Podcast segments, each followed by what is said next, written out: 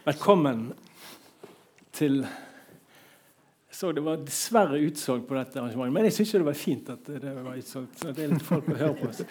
Eh, velkommen til eh, dere som er her, og velkommen til Per Petterson. Eh, en av Norges fineste romanforfattere, som i høst er aktuell med en ny roman men i min situasjon. Uh, dette skal jo handle om litt om Arvid Jansen. Mm. Ja. Um, du er klar over at han er i ferd med å bli en av de mest uh, legendariske um, hovedpersonene i norsk litteratur, kanskje?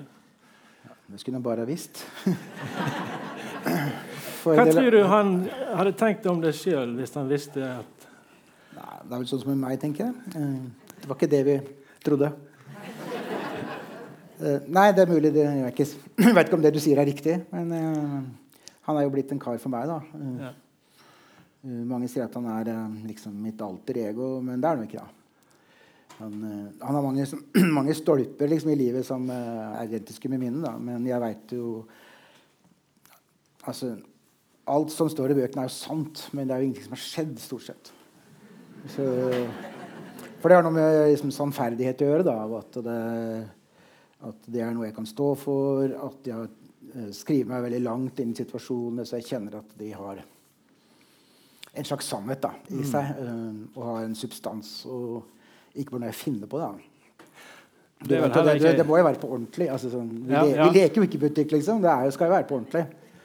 Da, mm. Nei, men det, det, det, er jo ikke tilfeldig at han er født samme år som deg, og at uh, en del sånne data om han og kanskje er ganske parallell med, med, dine egne. Men uh, du har jo sagt et sted om at du skiller mellom sannhet og sannferdighet. Ja, i den forstand at sannhet da, altså, Dette har skjedd. Knausgård han, jo, han sier at det har skjedd, og det er det han holder seg til. og det er veldig fint. Uh, mens uh, jeg prøver å være sannferdig da, i den forstand at jeg litterært sett klarer å kan stå for det som er i boka. Da. At det ikke er tull. Sånn. Uh, at det er en slags sannhet eller en sannferdighet i, i forhold til mine personer da, i bøkene. Som jo er veldig vanskelig. Mm. Hvis du har holdt på litt, så kjenner du jo når du bare finner på, og når du gjør ordentlig jobb. da. Så det er noe med Jeg jeg sa noe sånt for en del år siden, og så satt Kjell Askildsen og hørte på. Og så kom han. 'Ja, det er riktig. Du skal dikte deg inn. Du skal ikke finne på', sa han da. Og det, og det var jo jeg helt enig med han i, og han sa det veldig fint. Men min generasjon pleier ikke å bruke ordet 'dikter' på den måten, da, for vi holdt oss litt tilbake for det. Eh, men det er bare fordi det er litt sånn sjenanse rundt ordet. Bjørn som dikta. Det gjør jo ikke vi. Flott. For de som ikke har skjønt det, så er altså det Per. Eh, jeg er Tormod Haugland. Vi er begge forfattere på samme forlag, faktisk. Og vi skal prøve å ikke la dette bli altfor mye av en sånn uh, kollegial litteratur, djup litteratur, men, men, prøve å være litt sånn uh, uh, kommunikative med, med, leserne. Og jeg tenker at En fin måte å åpne opp denne seansen, som i stor grad skal dreie seg om denne hovedpersonen Arvid, eh, at det da er fint om du vil lese. Ja, hvor er vi da? Da er vi på side 198, kapittel 17. Ja. Dette er jo han som har valgt, da. I tilfelle det ikke funker. Skal vi se.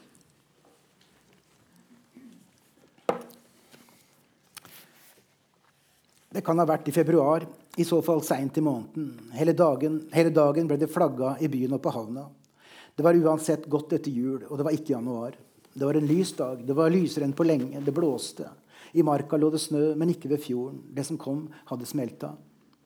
Jeg satt bakerst i bussen med lærveska mi i fanget på vei ned fra Bjølsen mot sentrum og følte meg forventningsfull, men ikke glad.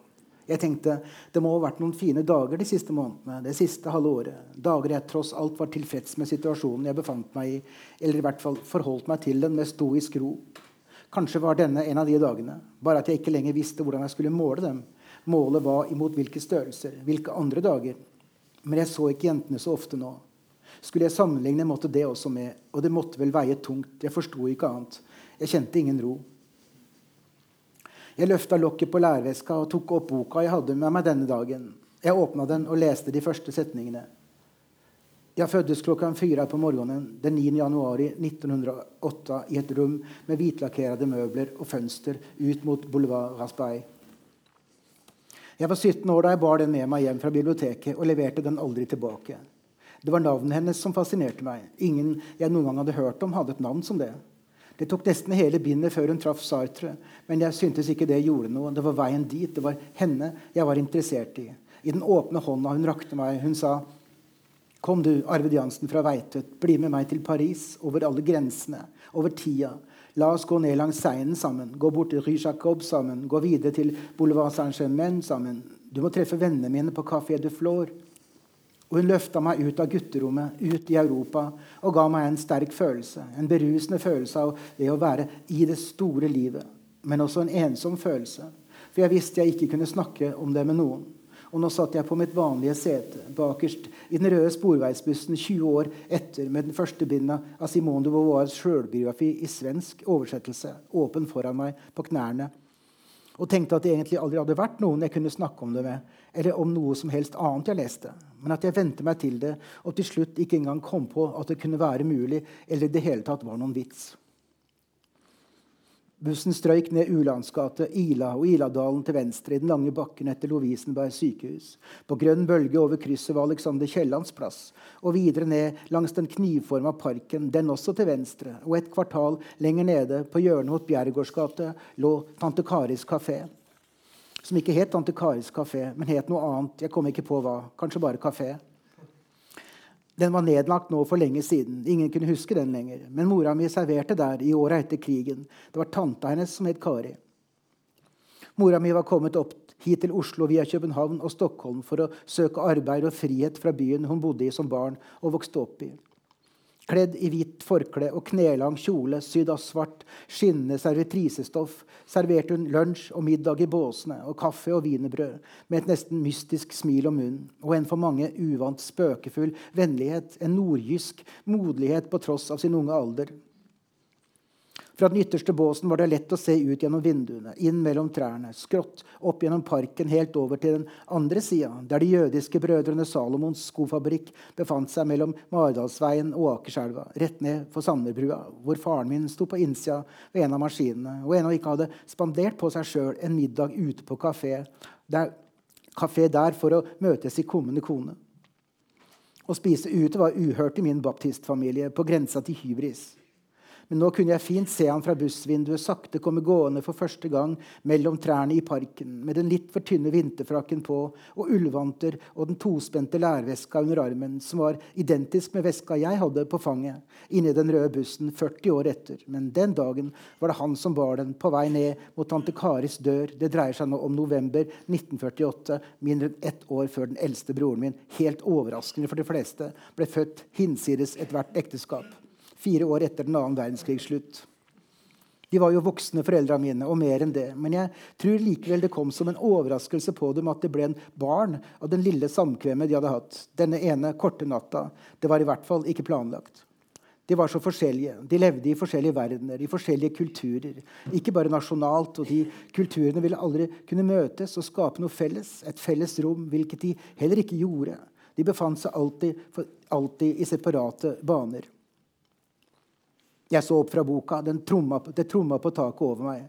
Det var i februar, men det snødde ikke. Det regna, og det gjorde det plutselig og voldsomt i svingen ved Fredensborg. Et skybrudd, drivende tunge gardiner, scenetepper av fallende regn mot vinduene i bussen. Første akt var over. Noe nytt skulle komme, som til nå hadde stått i kulissene.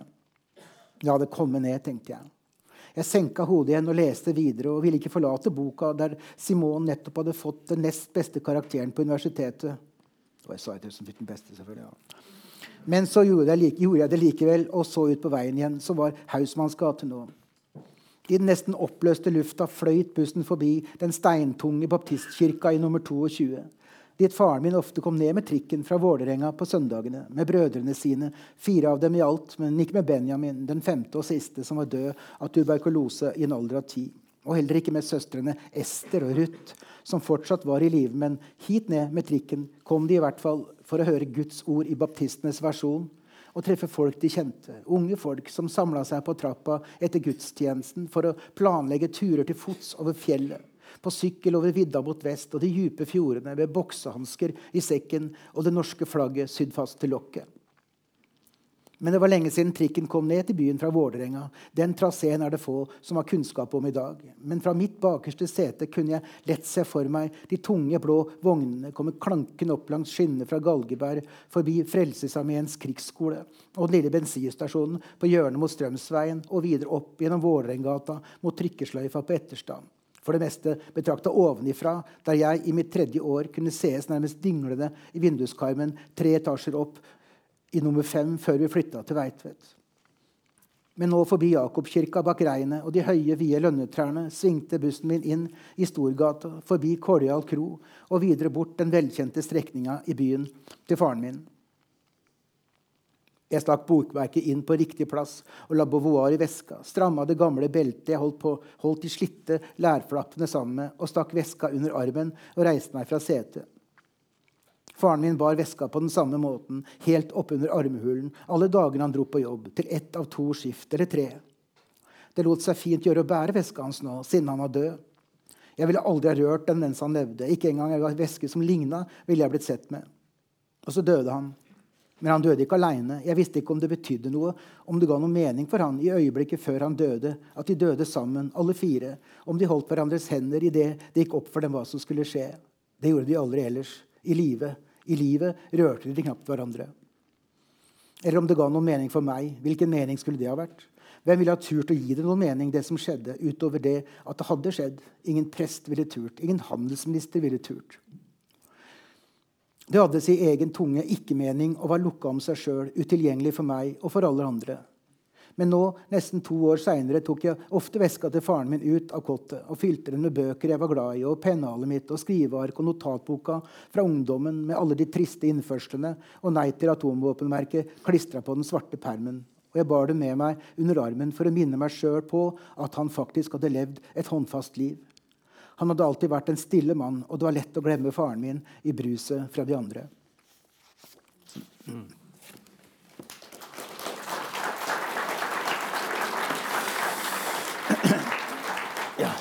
det dura og gikk. Dette er jo ikke et uh, typisk kapittel for den tematikken boka Nei. i hovedsak dreier seg om. Nei, det er vel ikke det, men uh, det var fint å skrive. Ja. Grunnen til dette var jeg som ba, ba, deg om å lese. og Det er et uh, veldig fint uh, uh, sånn Litt sånn dobbelt farsportrettet der, altså mm. med den veska på slutten. Han kunne aldri gått med den mens han levde, men etterpå så Ja, ja, ja. Så, ja det har jo han fått av meg, kan man si. så Faren min jeg fant jo, han hadde jo tre-fire sånne i skapet. da da han døde. Jeg fant jeg, jo liksom alle skulle brukes etter hvert, da, så de ble slitt ut. Men det rakk jo ikke han, da, så det gjorde jeg, da. Så jeg er jo ferdig med dem nå.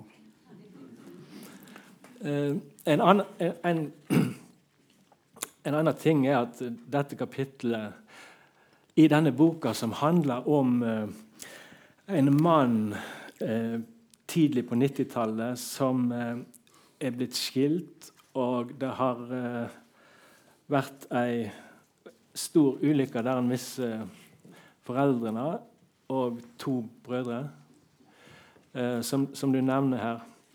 Og, og, og, det tomrommet som på en måte han vandrer i i denne romanen, som handler om eh, tilfeldige, mer eller mindre ugjestmilde møter med det annet og Eh, og, og, og, menn, altså som eh, det annet kjønn og, menn. Det er, det, det er ganske mange forskjellige møter eh, i, i, denne romanen. Og så har du en relasjon som er mye viktigere og, og, og mer sår, nemlig forholdet til døtrene, og da spesielt eldste datter. Mm. Vigdis, ja. Ja. Uh, mens dette kapitlet tenker jeg er et bilde på alle de 40 årene som disse bøkene har i seg. Og, og kanskje enda mer enn det. Altså det ja. ganske store linjer. Ja, altså, problemet når jeg skal snakke om dette, er ofte at jeg sier jeg 'jeg' ikke sant, istedenfor Arvid. Enda det faktisk ikke stort sett har skjedd, dessverre. Det er et problem. Uh, men det er klart, han uh, her får han, jo, han får han jo mye av meg, da. Og, ikke sant? Da jeg, var, da jeg var 17 år, så orka jeg ikke å gå på gymnaset lenger, så jeg slutta. Hadde ett og et halvt år igjen. Og det jeg gjorde, var også Jeg var for sjenert til å gå på skolen, ganske enkelt. Det var det. Jeg tenkte at jeg aldri kom til å ha noen jobb, for dette kom jeg ikke til å kunne stå der og snakke med noen. Men jeg var veldig glad når jeg gikk ut av skolegården. Og det jeg gjorde var at jeg la meg på liksom, sovesofaen på rommet mitt og så bare leste jeg bøker. Leste og leste og leste. Og, og, sånn som han gjør her. Da. Og jeg også da fant Simone Beauvoir, da, som var sånn totalt vurderte ikke hvorfor det var en bok hennes biografi var eh, på biblioteket på Veitvet. Det var sånn totalt atypisk. da.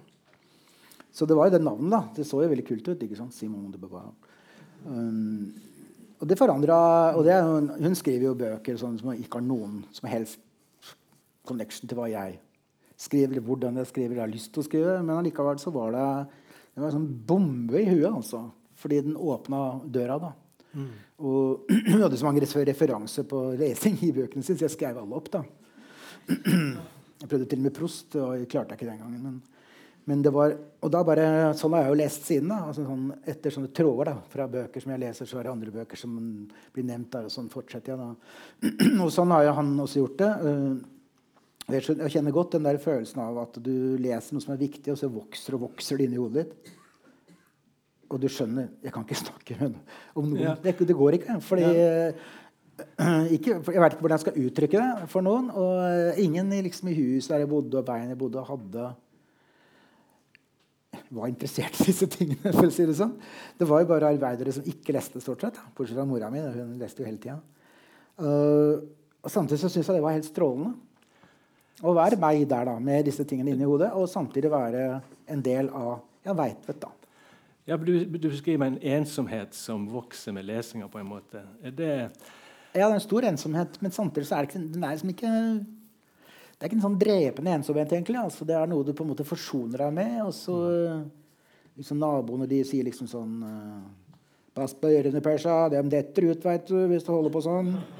Ikke sant? Men de gjør av omsorg, da. Ikke sant? Så, så det har vel Arvid har, har, tatt det fra meg, og den der eh, ganske tilhørigheten som både er veldig veldig ensom og samtidig ekstremt kollektiv. Mm det er jo, Sånn er jeg hele tiden. ikke sant? Så. Det er jo, eh, der har du jo åpenbart noe veldig til felles med, med denne Arvid. at uh, Han er jo, veldig glad i å lese, og, og, og det, det, skriver du jo om i, i alle, alle, bøkene er det eh, noen innslag av litteratur og, og lesetips. um, men um, jeg tenker Du har sagt i et intervju at du liker ikke transportetapper. Og det er jo noe som Ja, i bøkene? Nei, jeg gjør jo ikke det. da. Altså, Men samtidig er det noe med det at du kan bare plassere denne karakteren på hvilket som helst kjøretøy du vil. altså Enten det er i en bil, eller på et tog eller i en buss, som her. Og så bare begynner det å gå. altså Det kommer en strøm da, som, som ikke handler om hvor du skal, Nei. men altså Utgangspunktet er på en måte en forflytning, men det er helt underordna. Det, det, er akkurat som det setter i gang en motor for deg, det å sette seg ned på noe som flytter seg. Bokstavelig talt. Ja, nei, men det er jo sånn, Særlig når du sitter der og skriver og ikke skriver, og ikke får til noen ting, så er det jo det er sånn to måter å løse det på. Det ene er å flytte seg sjøl. Altså, for du sitter kanskje og skriver der, og så må du gå og flytte deg. Kanskje reise til Danmark for å prøve å skrive der. fordi Kanskje flyttinga i seg sjøl avstedkommer noe. da, Eller så må jeg sette han på et eller annet som beveger seg. Og Så får han se ut av vinduene og så se om ikke det skaper noe. da, Og så blir det jo ofte noe, da. Ja. Ikke sant? Fordi det er disse assosiasjonene da, du får når du ser ting eh, som er kjent for deg. Sånn som denne kjøreturen her. da. Så, uh, hvor det dukker opp uh, Egentlig bare livet dukker opp. da. Uh, ellers er det jo ekstremt mye bilkjøring, selvfølgelig i denne boka. Men det er ikke den første. men jeg fikk lappen innmari seint, da. men, du er? Ja, det er noe med sånn som jeg bor nå. Da, så du må ha, Hver husstand må ha to biler, ellers så bare går det ikke. Jeg har tre, da. For jeg har en jeep òg, så det er liksom kosebilen. Men, så jeg er så vant til å flytte meg i en bil og la tankene gå at det for meg er nesten det samme som å skrive. Så ja, Hvis jeg hadde skrevet alt jeg tenkte mens jeg kjørte bil, så er det klart at da hadde det blitt litt mer bøker. da, men... um, Men det, er, men det, er, jo sant. da, altså, jeg, jeg, liker å flytte på personen. og Selv om man da egentlig ikke skal noe sted, på en måte, da, så kommer han jo et sted. Sånn som er Her ender han oppe i byen, og han er jo da egentlig på vei til en av sine hva skal vi si, nattlige eskapader. Hvor, hvor, han er på jakt etter um, kanskje litt hudkontakt. da. Mm, mm. Men um, jeg tenker på en ting å flytte seg fysisk, altså å reise, reise fysisk, men, men, jeg tenker bøkene dine òg er en sånn reise i tid hele tida. Altså, det viser dette kapittelet at det, det, koster deg veldig lite å på en måte bare gjøre litt sånn ja, Der fikk jeg den assosiasjonen til den kafeen som nå er nedlagt. Og, så og så er du over i liksom en annen verden, en annen tid, og så begynner du å tegne ut den. og så du, Det virker som du beveger deg lett mellom tider og temaer. Jo, men jeg har, jeg har funnet ut at uh, Er det lett? Ja, på en måte. Det er veldig vanskelig å skrive, men det er, det er vanskelig å skrive over hodet. Det, det, det, er ikke den der forflytninga som er vanskelig for meg. Det bare begynte en eller annen gang i en av bøkene mine hvor jeg hadde en sånn flashback da, hvor jeg tenkte, kom på noe, og så tenkte jeg kan, kanskje jeg bare kan ta det med. Ikke sant? Wow, jeg kunne bare ta det med. Det var jo helt fantastisk. Uh, og så tenkte jeg senere kanskje jeg kan ta med det jeg kom på der også. Og særlig er det sånn at hvis det kommer på noe som er veldig, veldig viktig, da, som du tenker på i den bilen, og som kanskje er helt avgjørende for boka, så må du ta det inn med en eneste gang. ikke sant? Bare, for du, er noe jeg hater, så er det der eh, forfatteren som holder korta tett i brystet og som bare deler ut sakte kort. Så kommer S til slutt, liksom. ikke sant? Det syns jeg er juks, da. Fordi Hvis det er noe du kommer på noe viktig som du tenker på uh, mens du kjører eller skriver, eller hva som helst, så må du ta det inn med en gang. Fordi får du ta, altså, ta det på første side hvis du kommer på det på første side. Så får du helt ta konsekvensen av det du har gjort. da. Men da, da, gjør du noe som er friskt, kanskje. da, ikke sant, mm. Er det en sånn intuitiv, assosiativ skrivemåte som, uh, som ja, du har hatt hele veien? eller? Jeg kan ikke noe annet lenger. Så det skulle ønske jeg kunne disponere ei bok. Da hadde kanskje den kommet litt før, da. men da sannsynligvis en annen bok. da. Um, nei, det er den eneste måten. Altså, Jeg klarer nesten ikke å planlegge. Altså, når jeg går inn i et kapittel, så veit jeg jo ikke hvor jeg kommer ut hen. Det kommer an på hva som skjer. Ikke sant? Husker, Og det veit jeg jo ikke ennå. Jeg, husker, eh, jeg, kan ikke huske årstallet, men eh, det var ikke så langt ute i forfatterskapen din at du publiserte et kapittel på en uferdig roman. Ja, ja. Og det tenkte jeg eh, Wow! At han våger. Ja. Eh, men du stoler så mye på det kapitlet at det står, og det skal ikke endres på? Ja, nei, jeg har gjort det, det kanskje fire siste bøkene, i hvert fall. Eller fem. Nei, det, altså, Poenget er jo da at uh, for meg da, så skal det bare være det kapitlet. Du skal ikke ha noe annet. Du skal ikke engang for så vidt vite noe særlig om hva som skal skje etterpå. Men så har jeg liksom litt jeg er sånn kokett, da, men så tar det i Klassekampen, så står det første kapittel. Uh, så har jeg ikke noe annet. da, Og det har jeg fått mye nesten kjeft av kolleger for at jeg gjør. da, Men jeg bare tenker sånn uh, Ja, men det var et jævla fint kapittel, da. Det må jo kunne avstedkomme noe, liksom. For det, det, det gjelder, er jo kanskje da å klare å få til noe som ja, Et uh, veldig undervurdert begrep. Da, atmosfære. Som jo på en måte er den det som romanen utspiller seg innafor, er et slags, en slags uh, sinnstilstand kombinert med mange andre ting da, som gjør at du får en atmosfære. altså Du føler at du er inne i en verden. da. Og hvis jeg har den følelsen uh, når det gjelder dette omdiskuterte kapitlene, da, så, så, er jeg ganske trygg på det. Og hvis det ikke går, så kan de si ja, men du sa ja, men jeg har ombestemt meg. Altså, det gikk ikke, eller det er ikke noe farlig. Det er det som er poenget. Det er ikke noe farlig. Ja, eh, men, og Du har også sagt at du er ikke så veldig opptatt av plott. Altså, det er ikke plottdrevne romaner du skriver. Men likevel så eh, er du jo veldig opptatt av linjene mellom kapitlene. Altså at det er et, Med en gang du skriver kapittel to, så står det i forhold til det første. Og det kan være et hopp til et helt annet sted og helt annet tid. Men eh, det er en sånn Og du liker å kjøre sånne parallelle historier. Ja, liker og liker. Det blir sånn, da. Eh, og jeg klart, det er jo blir liksom det blitt litt tøffere, da. Sånn som i forrige roman 'Jeg nekter'. Da, så liksom, da har jo tre stemmer pluss forfatterstemmer, og det syns jo jeg var jeg eh, synes det var veldig morsomt uh, å gjøre det. Og jeg tenkte sånn Klarer du det? Klarer du å lage forskjellige stemmer? Og så ble jeg etter hvert helt avhengig av det. Mm. Ikke sant? Fordi øh, historien, da, for å kalle det det, ville jo ikke ha utvikla seg uten de forskjellige perspektivene. da. Husker det var en, uh, Den ble anmeldt i Irish Times. tror jeg, Da er en dame der som jeg syns er jævla god anmelder. da, pleier å gi meg kjempekritikker. Så jeg liker henne. Uh, og så var det for så vidt god kritikk. Da, men så sa han hvorfor han, kunne han ikke bare la historien bli sett fra Jims synsvinkel? Altså én synsvinkel. Og da tenkte jeg, da falt respekten min fordi Hvilken historie da? Det fantes jo ikke noe historie. Altså den, når Tommy forteller sin versjon, så finner jeg jo på en måte opp Eller ikke finner opp, men altså da, da utspiller hans blikk seg. Da, ikke sant? Han ser tingene. Eh, og da blir det jo helt annerledes. Så det fins jo ikke noe historie annet enn summen av det som faktisk står i boka. da. Og Det var en gigantisk misforståelse fra hennes side. Jeg synes at Det var jævlig svakt til å være en såpass bra litteraturanmelder og ikke skjønne at det fins ikke noe historie.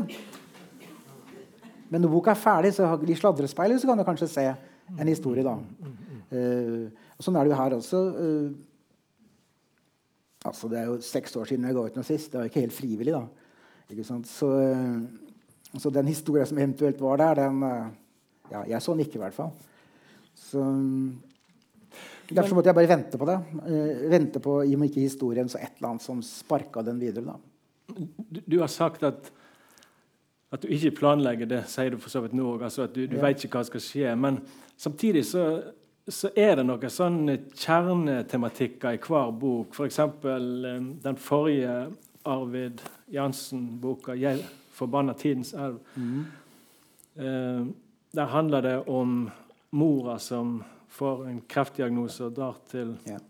Og han skal skilles, så han drar etter henne for å fortelle sant? så er det òg parallelt eh, en fortelling om når han forteller mora som ung skolegutt at han vil droppe skolen og begynne å jobbe på fabrikk. Ja, ja. Og de to kjører du parallelt. Altså, du, hvor, hvor, snart oppdager du liksom at det er liksom kjernefortellingene? Er det sånn som kommer etter hvert, eller er det sånn som du vet på forhånd? Jeg veit og veit. Altså, det er klart at Når jeg begynner programmet, så har jeg jo et eller annet. da. Jeg har, eh, men ikke trenger ikke ha så veldig mye, egentlig Det kan bare være noe jeg kommer på. Men det er klart, hvis jeg nettopp har skrevet en bok eh, om Arvid Jansen Det første jeg tenker på, er jo ikke da å skrive en til om Arvid Jansen. Eh, så Derfor så er det sånn litt annenhver. Eh, for da er jeg jo litt lei Arvid Jansen. Så, og det er klart at Underbevisstheten styrer deg jo steder som du skal, og ikke der du ikke skal. stort sett da. og det er noe av det jeg har lært meg. Jeg har lært meg veldig mye av det. Altså.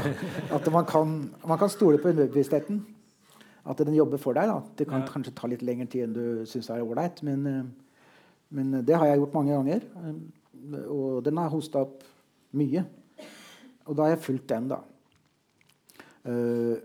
Men altså plott Jeg tenker sånn Plott, er ikke det noe som du har i kriminalromaner? Jo, jo. For et vis, da. ikke sant? Altså, ja. men La oss ikke snakke om plott. Nei, vi kutter det.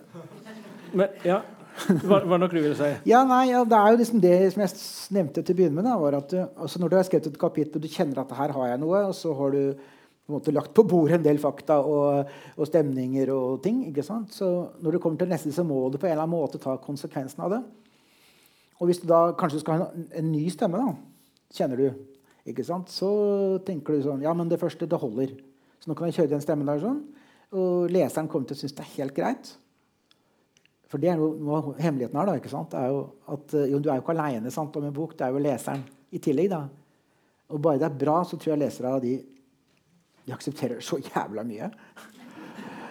Ja, men de gjør det. Eh, og, det.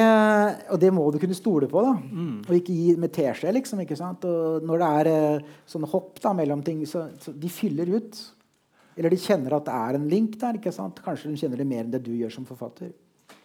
Ja, Så må- Det er jo liksom den tredje. Den, altså, leseren er jo utrolig viktig. da. Ja, eh, du, du stoler på leseren, men du, du stoler jo først og fremst på deg sjøl. Altså, at det holder, og at leseren er med på det. Ja, ja. Ja. Uh, litt tilbake. Du debuterte i 87 med en novellesamling. Mm. Uh, Den, ja. en tynn lefse. Eh, Over 100 sider, da. ja. Aske i munnen, sand i skoa. Eh, en annen ting som jeg syns er ganske tøft, og det er at du begynner med, med barndomsnoveller. på en måte. Altså det, er en, det er en hovedperson her. Dette er jo tredjepersonsfortellinger. Ja, De to første. ja. Mm. Ja, men, eh, men det er jo åpenbart eh, Arvid som er hovedpersonen. Ja, altså Den tredje personen er ganske klint opp til hans bevissthet. da, så det er jo ikke sånn at det er Ja. Det er også noe med at når du har en ja, Kanskje han er seks år noen steder der. ikke sant, du kan, Å si 'jeg' er jo liksom litt håpløst. For da får du et perspektiv som er ganske smalt. Det er interessant, selvfølgelig, da, og jeg holder det ganske langt nedpå, men det er jo jeg som forteller det. eh, Men jeg er lojal mot han, da. Som, som gutt. sant? Men det er, en, det er en ganske klok guttunge som eh, eh, sånn her, eh, Allerede i første novelle så har du et sånt far-sønn-portrett. Yeah. eh, og faren som jobber på denne skofabrikken i Oslo, Mm. drar til Danmark, kommer tilbake, og onkelen, da, eh, som jobber på en tannkost ja. På Jordan, ja. tannbørstefabrikk, som eh, Arvid syns er liksom eh, simple greier, da. ja, ja. I forhold til sko, ja. Ja, i forhold Ja, ja. til sko. Poenget er selvfølgelig da at denne skofabrikken blir jo nedlagt. da.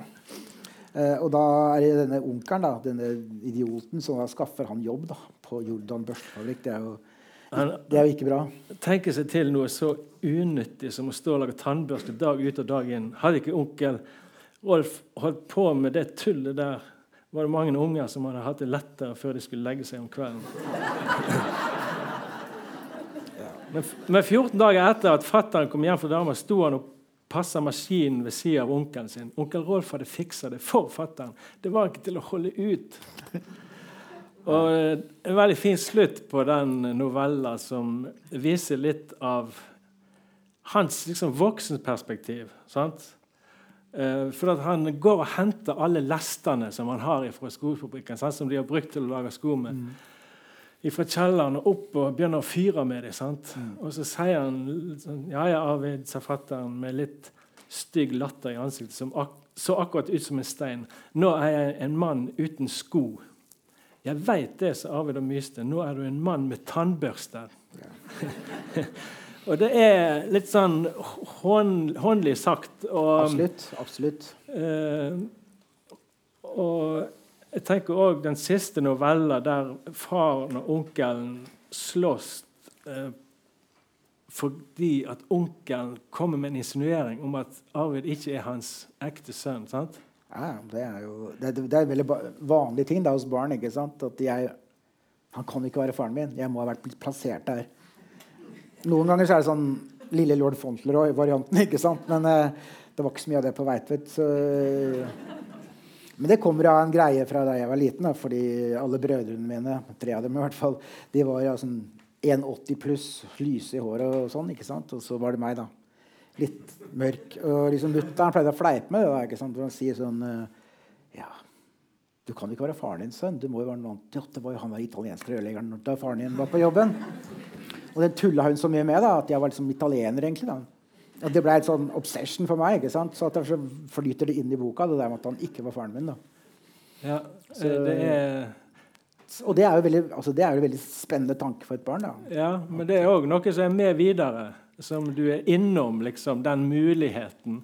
Altså Det er en sånn uh, fremmedhet i det. En sånn usikkerhet om liksom hvor uh, Hvem er jeg, og Ja, men det stemmer jo veldig godt med hans hva skal jeg si, stigende fra allerede der slags ensomhetsfølelse. Sånn, en slags, som litt på sida person. da. En som betrakter, som er litt med, men ikke bare med. Som ser på seg sjøl utfolde seg og trekker seg tilbake igjen. Og, han, eh, og dette har jo for så vidt Arvid Jansen med seg hele livet. da, I den grad jeg kan si at det er et liv på disse bøkene her. Den, den novella slutter jo med at faren ramler i sjøen, og Arvid hjelper han opp. Og, og han, han, trøster han liksom helt på slutten der. Ja, han er jo full av han pappaen. Ja, ja. ja, ja. Eh, men altså jeg tenker, at, jeg tenker at selv om det handler om en ung gutt, så er jo det alltid i relasjon til voksne. Så det er jo, det er jo veldig mye den samme Arvid som vi følger videre. Altså, det er ikke noe sånn stort sprang i modenhet, på en måte. da. Nei, eh, altså Arvid Jansen i de to første bøkene jo, Det er jo en miks av hans perspektiv og mitt syn på det. da, ikke sant? Eller min følelse av det, kan du kanskje si. Som jeg prøver å skrive inn i han. da. Altså, det var jo ikke noe plan å skrive om Arvid Jansen. Jeg bestemte meg da jeg var 18 år jeg, for å bli forfatter fordi jeg kunne ikke se at det var en annen mulighet for meg. Fordi hvis du da, altså Vi var jo klassereisendes tid, ikke sant? og alle forventa at den som var litt glupe på skolen, skulle begynne på universitetet. da. Så, og det prøvde jo jeg også. Det gikk jo litt sånn som det står i boka her. Um, litt dårlig, da. Uh, men, uh, men, uh, men, jeg ville jo ikke det. Altså Jeg var veldig glad i folka rundt meg i, den, i den, den, gata jeg bodde. da. Hvorfor skulle jeg bytte ut dem med noen som jeg traff fordi jeg gikk på Blindern? Altså, jeg forstår ikke Hvorfor skal jeg det? Altså, de menneskene, hvorfor, Hva er det de har? som jeg skulle være interessert i. Annet enn kanskje litt bedre smak enn faren min. eller et eller annet sånt noe, Kanskje litt mer lønn. Jeg tok ikke det poenget. da. At det skulle være veldig viktig. Egentlig, det er derfor, men det er derfor jeg måtte bli forfatter. fordi du kunne ikke bli igjen og være han landsbyidioten heller, ikke sant, som ikke gikk videre. da, med et eller annet. Så da tenkte jeg hvis jeg blir forfatter, så løser jeg det problemet.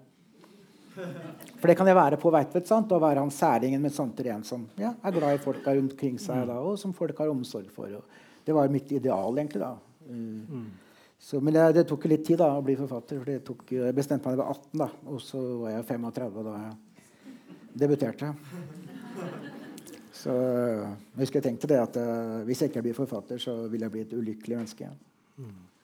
Så ja, var sånn deltidsulykkelig, i hvert fall i 17 år. Nei, men det rare er at det uh, Faren min jeg, jeg avvist, Man avviser ofte faren sin på et eller annet tidspunkt. Altså, du har gitt det du har å gi. Kanskje ofte noe fysisk. da. Og så vender du deg mot han, og så tar du parti kanskje for mora di. eller noe sånt. Da. Og jeg brukte det litt. da. Mm. Den forakten som han kan føle for faren sin fordi han er deklassert på et eller annet vis. da. Mm. Den brukte jeg der eh, ganske mye. Og jeg kan si jeg tenkte mye mer på faren min da jeg skrev den boka. Han hadde gjort liksom 20 år før. Eh, egentlig. Eh, og det var litt sånn sårt. da da jeg oppdaga det, at nå var jeg interessert i det. liksom. Og så døde jo ikke så veldig lenge etter. da. Mm. Og det var ikke så bra.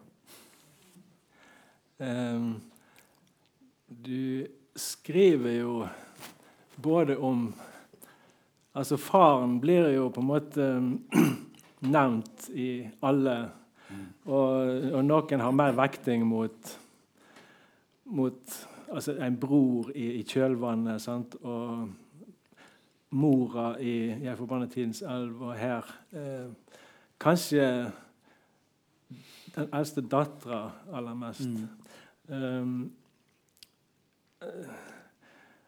og jeg tenker at du er veldig flink til å uh, vise omsorg for dine bipersoner. Altså han, han, han, eh, alt er vanskelig, men, eh, men, eh, det er ikke entydig.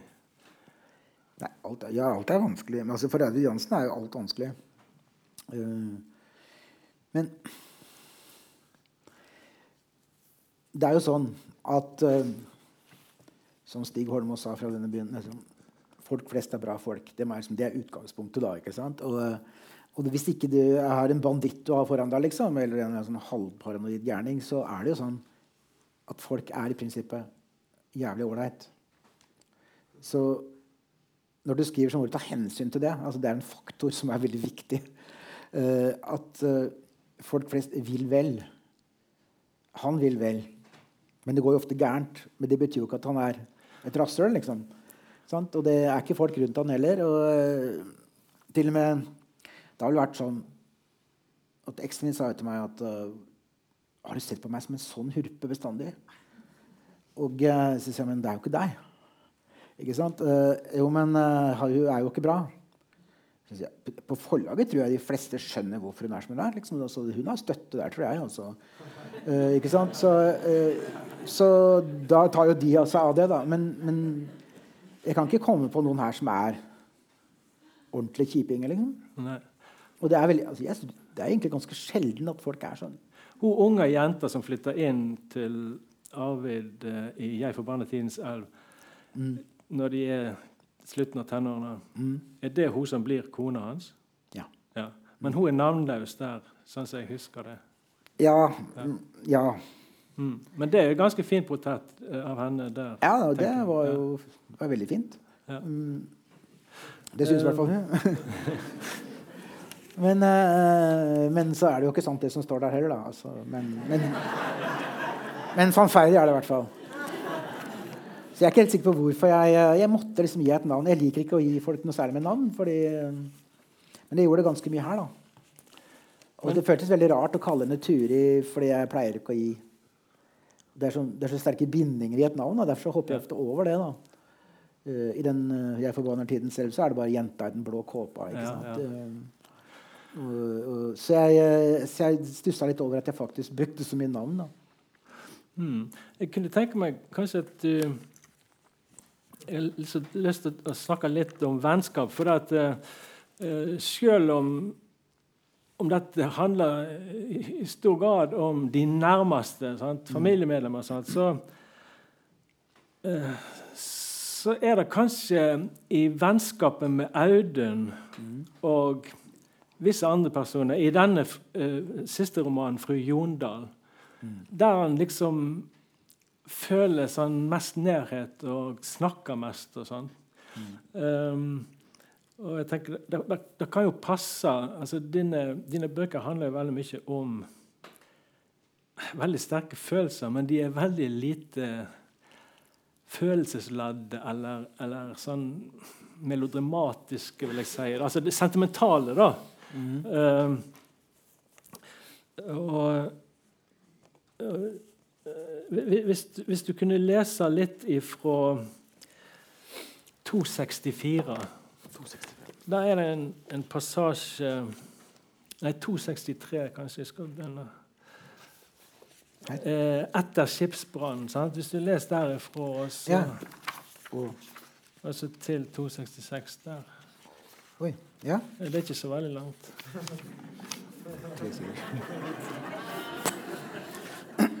ok, jeg har ikke lest det høyt før, da, så vi får se åssen det går. Det gjelder da Audun, da, som, eh, som eh, ringer han. Og eh, altså, Boka er jo ett døgn og ett år, da, sånn roughly. Da. Det er jo litt mer enn det. Men, men så, så, året går mens døgnet går. da. Dette er jo da veldig seint. Veldig mye har skjedd. Og, og, han er egentlig ferdig med dagen, og så ringer Audun, da. Og han tenker sånn Faen. Audun. Det er min beste venn. Men jeg har glemt det. Jeg har glemt Audun. Altså, jeg har glemt at han er min venn. Han har ikke forholdt seg til det i det hele tatt. Han har bare vært inni her. Og, og uh, han er veldig glad da, for at Audun ringer. For liksom, han frem fra glemselen, liksom. Og så Å ja, faen! Jeg har jo en bestevenn. Det er bra. Og så uh, ja, og så forteller han om Audun, da, hva han betydde altså etter denne skipsbrannen, som uh, er en av stolpene her, og i flere bøker. Uh, og hvordan Audun var da. Så det er det det dreier seg om. Etter skipsbrannen var vi sammen nesten hele tida. Ikke Turi og jeg, Audun og jeg. Jeg stengte henne kanskje ute, stengte jentene ute. Han ringte meg annenhver dag for å snakke. Vi gikk på kino sammen. Vi spiste ute sammen så ofte jeg syntes det gikk. For det meste i restauranten på Veitvet-senteret, hjørnet, inne i hjørnet på plan 2, der vi hadde tatt våre første utepils sammen. Andre ganger på Lompa, inne ved Grønlandsleiret i Oslo sentrum. Vi reiste opp til gamle Gardermoen for å se scener utspille seg i avgangshallen før Amerikaflyet tok av. Mange kyssa hverandre lenge, og mange gråt, og noen skjelte hverandre ut. Vi satt på balkongen langs kafeteriaen med hver vår cola eller kaffe og så utover hallen og så to kvinner ta avskjed med den samme mannen. En tett innpå, hengende rundt halsen hans, en annen med heva hånd litt tilbaketrukket under balkongen, så den første kvinnen ikke skulle se henne. Men vi så henne. En annen gang så vi en kvinne demonstrativt snu ryggen til mannen som hadde fulgt henne til flyplassen, og båret kofferten hennes og sjekka den inn for henne. Og på vei mot sikkerhetskontrollen åpna hun sakte hånda og lot en gjenstand falle mot gulvet. Og vi snudde oss mot mannen som så det samme som vi så, og jeg sa hva faen var det hun slapp? Hun slapp gifteringen, sa Audun. Noterer du, Arvid? sa han. Du må notere. Og En gang kjørte han inn til advokat Delis plass og plukka meg opp fra gulvet da jeg lå rett ut på magen. Turi og jentene var i Trondheim, og jeg hadde ikke tenkt jeg skulle reise meg på en stund, men ville heller ligge med panna gnura ned i det harde, kalde, støvete gulvborda, og jeg tenkte hvordan måler man sorg? Fins det en tommestokk for det å sørge? Er det f.eks. For forskjell på å sørge over én i motsetning til to eller tre personer, eller til og med fire, som i mitt tilfelle? Fikk alt dette plass på et metermål? Eller kunne styrkenivået gi seg utslag som på et instrument, f.eks. en geigerteller, og jo tettere instrumentet nærma seg den fulle størrelsen, fulle bredden, det fulle antallet, desto fortere og høyere ville det instrumentet gi fra seg de velkjente pipende lydene. Og hvordan visste jeg når det var sorg nok? Og hvis sorg var flytende som smelta sølv, kunne man da helle den i et litermål og si under disse omstendighetene burde 8 dl holde. Og så la sølvet stivne blankt og hardt og ikke langt under den øverste streken. Hvordan kunne jeg vite det? Hvordan kunne jeg vite det, at det faktisk var sorg jeg følte? Jeg syns ikke. Det ligna på det jeg hadde sett på film. Eller hva andre fortalte meg at de kjente når folk av deres døde. Og jeg ble usikker. Jeg gråt jo ikke, for når var det man egentlig gråt? Aleine eller sammen med vitner? Og hvis man var aleine, hva var vitsen da når ingen kunne se det? Jeg visste ikke det. Jeg hadde jo ikke den tommestokken, det elitemålet. Jeg var jo aleine om det. Jeg slapp ingen andre inn. Ingen annens tommestokk var til nytte. Ingens litermål og på en måte føltes seg merkelig uvedkommende. Nei, ikke uvedkommende, men heller utafor mitt synsfelt. Jeg kunne så vidt skimte en mørk, bølgende hale forsvinne, og når jeg greip etter den og fanga den og holdt den fast, ble jeg stående med bare halen i hånda. Resten var borte, som en firfisler når den ofrer halen i bytte mot frihet. Jeg prøvde jo hardt også med åpne øyne å se det som hadde skjedd, men jeg visste ikke hva jeg skulle gjøre med det. Jeg så jeg så Alle reaksjoner hadde jeg allerede sett utspille seg i TV-reportasjer. De var brukt opp, og jeg kom ikke på flere. Så da forsøkte jeg ganske enkelt å la være å tenke på det. Det gikk heller ikke. Og da ville jeg i stedet finne et bilde som kunne dekke alt dette. Det var jo tross alt jobben min. Å gjøre det virvlende, gjennomsiktige, konkret. Gjøre bølgene av elektriske, distraherende støt i magen om til solid overflate. Men jeg hadde ingen bilder som var store nok, faste nok. Og jeg syntes etter hvert det ble ganske slitsomt. Så jeg ble liggende der jeg lå, til Audun kom. Han kom rett inn, døra var ikke låst. Så jeg hadde glemt det som vanlig. Og før han var i det hele tatt hadde sett meg, sa han høyt inn i entreen. Hei, Arvid, faen, hvorfor tar du ikke telefonen når jeg ringer? Og Det var sant. Det var ofte jeg ikke tok den. Det var brudd på alle regler. Men jeg var redd det skulle være et begravelsesbyrå i den andre enden, enn da jeg visste at begravelsen jeg skulle delta i, lå bak meg for denne gang. Og Der kom Audun inn gjennom stuedøra og så meg på gulvet og sa, 'Hva fader gjør du der nede?' 'Jeg tenker', sa jeg. 'Ja vel', sa han. 'Hva er det du tenker på, da?' 'Litermål', sa jeg. 'Tommestokker. Sånne ting'. Ok, sa han. Det høres på en måte praktisk ut, men du kan reise deg nå. Det er ikke sikkert jeg får det til, sa jeg. Ned i gulvet. Leppene mine kalde mot de kalde plankene, dekka av støv. Det var lenge siden nilfisken var ute av kottet. Det greier du, sa han. Så går jeg ut på kjøkkenet og setter over vann til kaffe. Da han etter ti minutter kom tilbake med to fulle kopper kaffe og melk og sukker på et brett, satt jeg på kontorstolen. Det var ikke akkurat Galdhøpiggen, men det hadde vært langt opp. Var det ditt? Ja. Okay.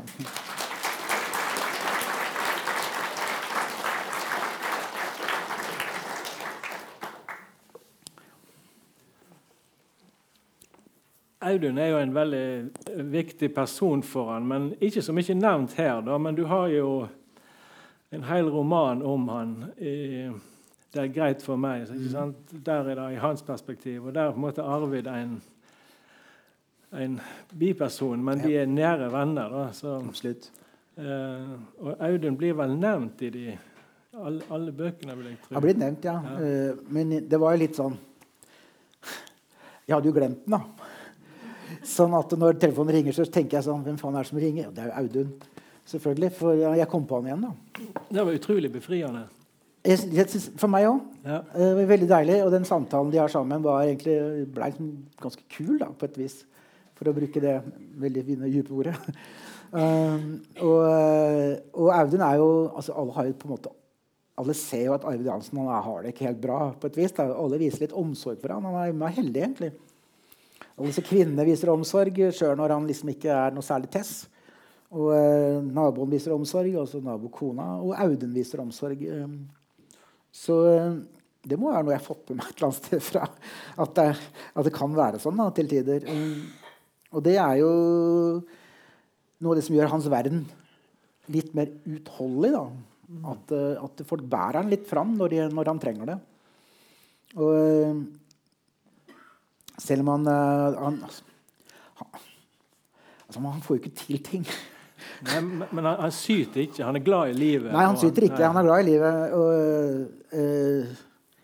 ja, det var jo Landro sa jo i Skudeneshavn at han er litt av en tusseladd, sa han. Da ble jeg jo skikkelig forbanna, da, fordi han er jo ikke det. da. Jeg syns han er en helt. Ja, så at han kan stå om ikke helt oppreist da, i stormen. liksom. Jeg synes at det Han er jo glad i folk rundt seg. Han er glad i datterdøtrene sine. Han får det ikke helt til, men han er jo faen meg det. altså. Um, så, men de, de, viser jo omsorg for han, og, og jeg syns liksom at han fortjener det. Jeg syns at de skal det.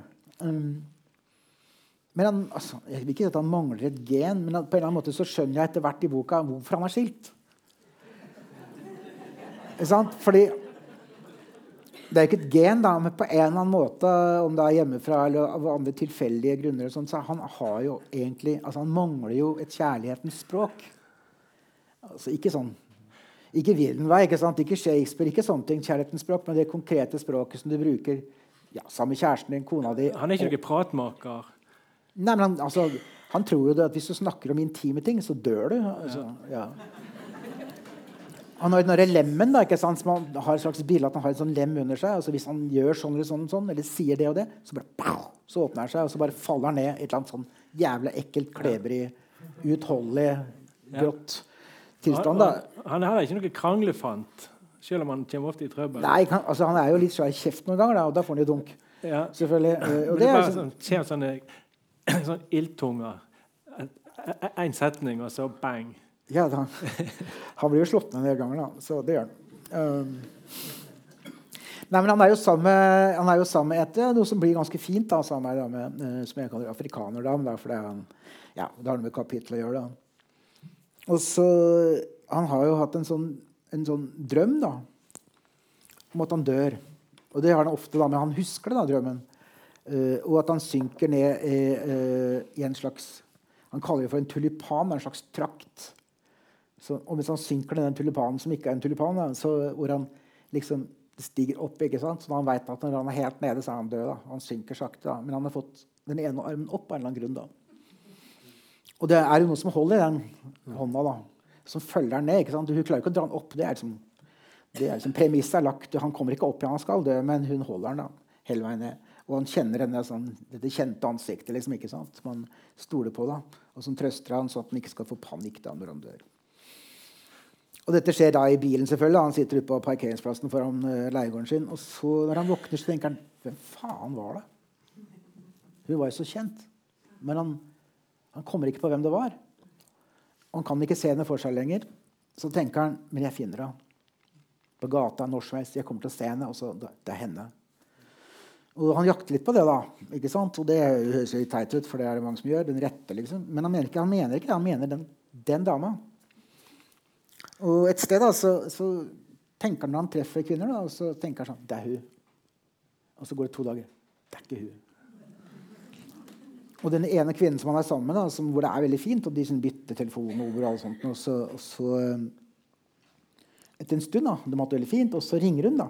Men han klarer liksom ikke å gi noe ordentlig svar. Altså, han må ta telefonen, for han tror at han blir arrestert hvis han ikke tar telefonen. Det er det mange som tror.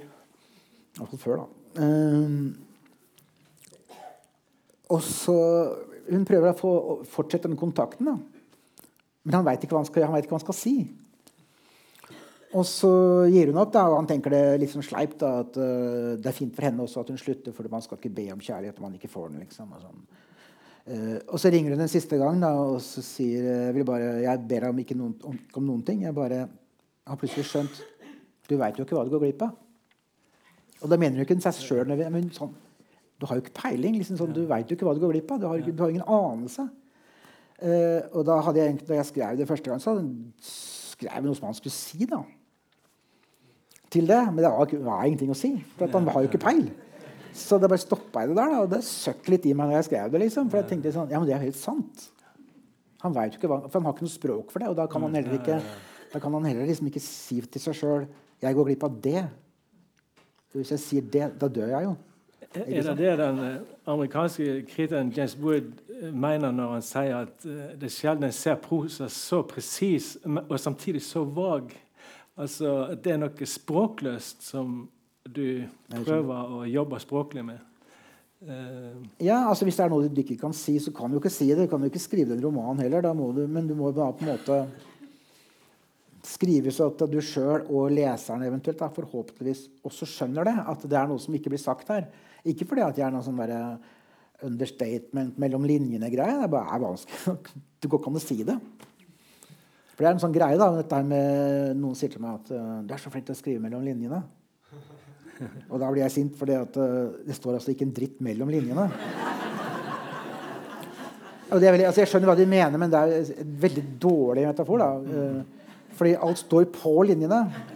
Og det er Noe av poenget for en forfatter er at du skal kommunisere på linjene. og det som, skjer, altså det som skjer, er jo at når leseren leser disse linjene og og føler deg substansen av et eller annet som er viktig, da, så, så, kan man ikke si at det er noe annet som tjener på linjene. Da. Ja, men jeg, jeg er enig, og, og, og, du er jo opptatt av det konkrete.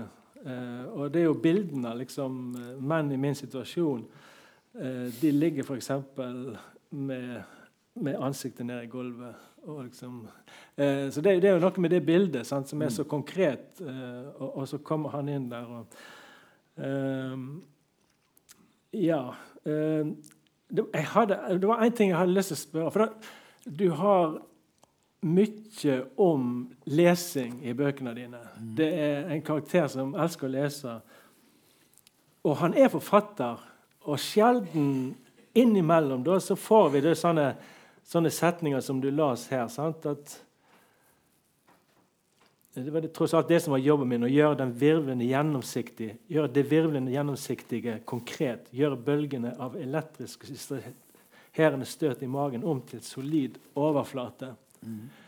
Det sier jo noe om utfordringen. Da. Altså en, en, stor utfordring for en forfatter. Men du skriver veldig lite eh, om skrivinga, altså om eh, er det for tett på, liksom?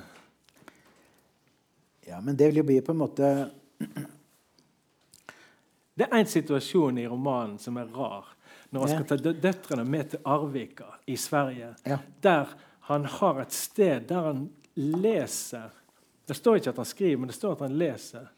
Han prøver å skrive, men det går jo ikke. Ja, akkurat, sant? Mm. Og da lover de at vi drar dit, og de, de begynner å kjøre. Og så endrer han det. Nei, vi, vi, tar en annen tur. Da, og da blir, blir de sur. Og det tenker hun, eldstedatteren Vigdis hun er på en måte like klok som han var i forhold til faren sin. For hun gjennomskuer hvorfor. Mm. Men han, han, snur bilen fordi at stemningen blir så dårlig når ikke, uh, han vil dra til Arvika likevel. Men hva er det han er redd for der? Altså, er, det, er, det for, er, det, noe med ja, Hvis han hadde tatt med døtrene ja. til dette stedet uh, um, Hvis de har sett på det og gjør seg opp en mening om det, og, og, og han ser det blikkene deres, så kommer han jo aldri til å kunne sitte der mer. Det blir for følsomt? Jeg vet ikke hva det blir. Uh, det er bare umulig. Uh, ikke følsomt engang. Jeg tror det bare blir altså, ødelagt. Uh, han vil ha det for seg sjøl? Ja, det kan du godt si. Og det er det dattera sier. da. Du vil ikke at vi skal se det der ja. hvor du leser. Um, enda jeg er dattera di, sier hun. Og altså, jeg veit at du er dattera mi. Og, og, og, det er jo et ekstremt vanskelig øyeblikk, da, for dette, hun er jo veldig pappas jente. da. Ja, ja. Og han berøver henne da denne innsikten i sitt voksne liv. da. Fordi hun sier jo når de før de drar, men kan du ikke sitte i sofaen og lese? sånn som hun har gjort før. da. Mm. Nei, det kan han ikke. Så ja. Um. Nei, jeg ser på klokka, og hun er passert åtte allerede. Um, dette med at uh, Ja, det er ikke alt som kan sies. Det kan jo uh, Nei, ikke bøker, i hvert fall. Nei, men det er, så du, det, Om skriving, da altså, Jeg er jo blitt beskyldt av et tidsskrift som har kommet ut her, at jeg uh, ikke reflekterer i bøkene mine. Da. At det har vært en slags uh, dårlig side med mine bøker. da. så klart. Ja, det har jo stått i Vagant, da. og at jeg er liksom bekymra den. da, og synes det var, Han er ålreit, han er flink, men han er ikke så interessant, egentlig, for han reflekterer jo ikke i bøkene sine. Så, men så fikk jeg Tom Willy Verven på mitt parti. Så sa ja, men han reflekterer nedenifra. Sa han da, og det, jeg skjønte ikke hva han mente med det. Men hvis du, snakke, hvis du skal skrive om skriving, så blir det jo reflekterende. Uh, og det kan egentlig bare skje i dialoger, mener jeg da. Hvis ikke så blir det, no, hvis ikke det er en annen type forfatter. da. Jeg kan ikke det. Men hvis noen spør han i boka, så kan han kanskje svare. da. Men det er det ingen som har gjort. da. Så. Kan du anbefale din, din artikkel, essaysamling, eh, 'Måne over porten', som handler om, om lesninger og forfatterskap du setter mm. høyt, da, som er jo er mer den type essayistisk eh, skriving. Men jeg mener jo at du nærmer deg en essayistisk, reflekterende eh, modus flere, i, i, i, mange, i, mange, ganger i bøkene. Jo, jo. Men, altså tidligere jeg begynte å skrive da, og klarte å få til noe, så var det jo sånn at jeg tenkte at jeg kan ikke reflektere i bøkene. jeg kan ikke, For da Det er sant, altså, da får alle se hvor jævla dum jeg er. liksom, ikke sant? At det, han, han, kan jo ikke tenke engang. Så derfor så var det bare dialoger og handling da, og, og, liksom, og inntrykk. sant? Så etter hvert så tenker jeg at uh, så dum var jeg ikke heller. da. At jeg kan liksom tillate meg litt. da. Så, men uh, jeg syns det er veldig vanskelig å gå på. da, uh, At han Mm. Skal liksom reflektere liksom høyt i bøkene, sånn at folk ser det. da. Så det er liksom noe som skal foregå et annet sted. Um, gratulerer med en veldig fin bok, Per. Um, og hvis vi, hvis vi tenker på hvor langt disse bøkene dine har, har uh, nådd, så tenker jeg at den uh, vestlige kritikken i Vagant er ikke noe du skal uh, Du er ferdig med den for lenge siden. veldig hyggelig å prate med deg, og tida går veldig fort. Jeg tror vi er nødt til å sette strek der. Um, så okay. jeg tror vi sier takk for i kveld, og velkommen til de som vil på signering etterpå.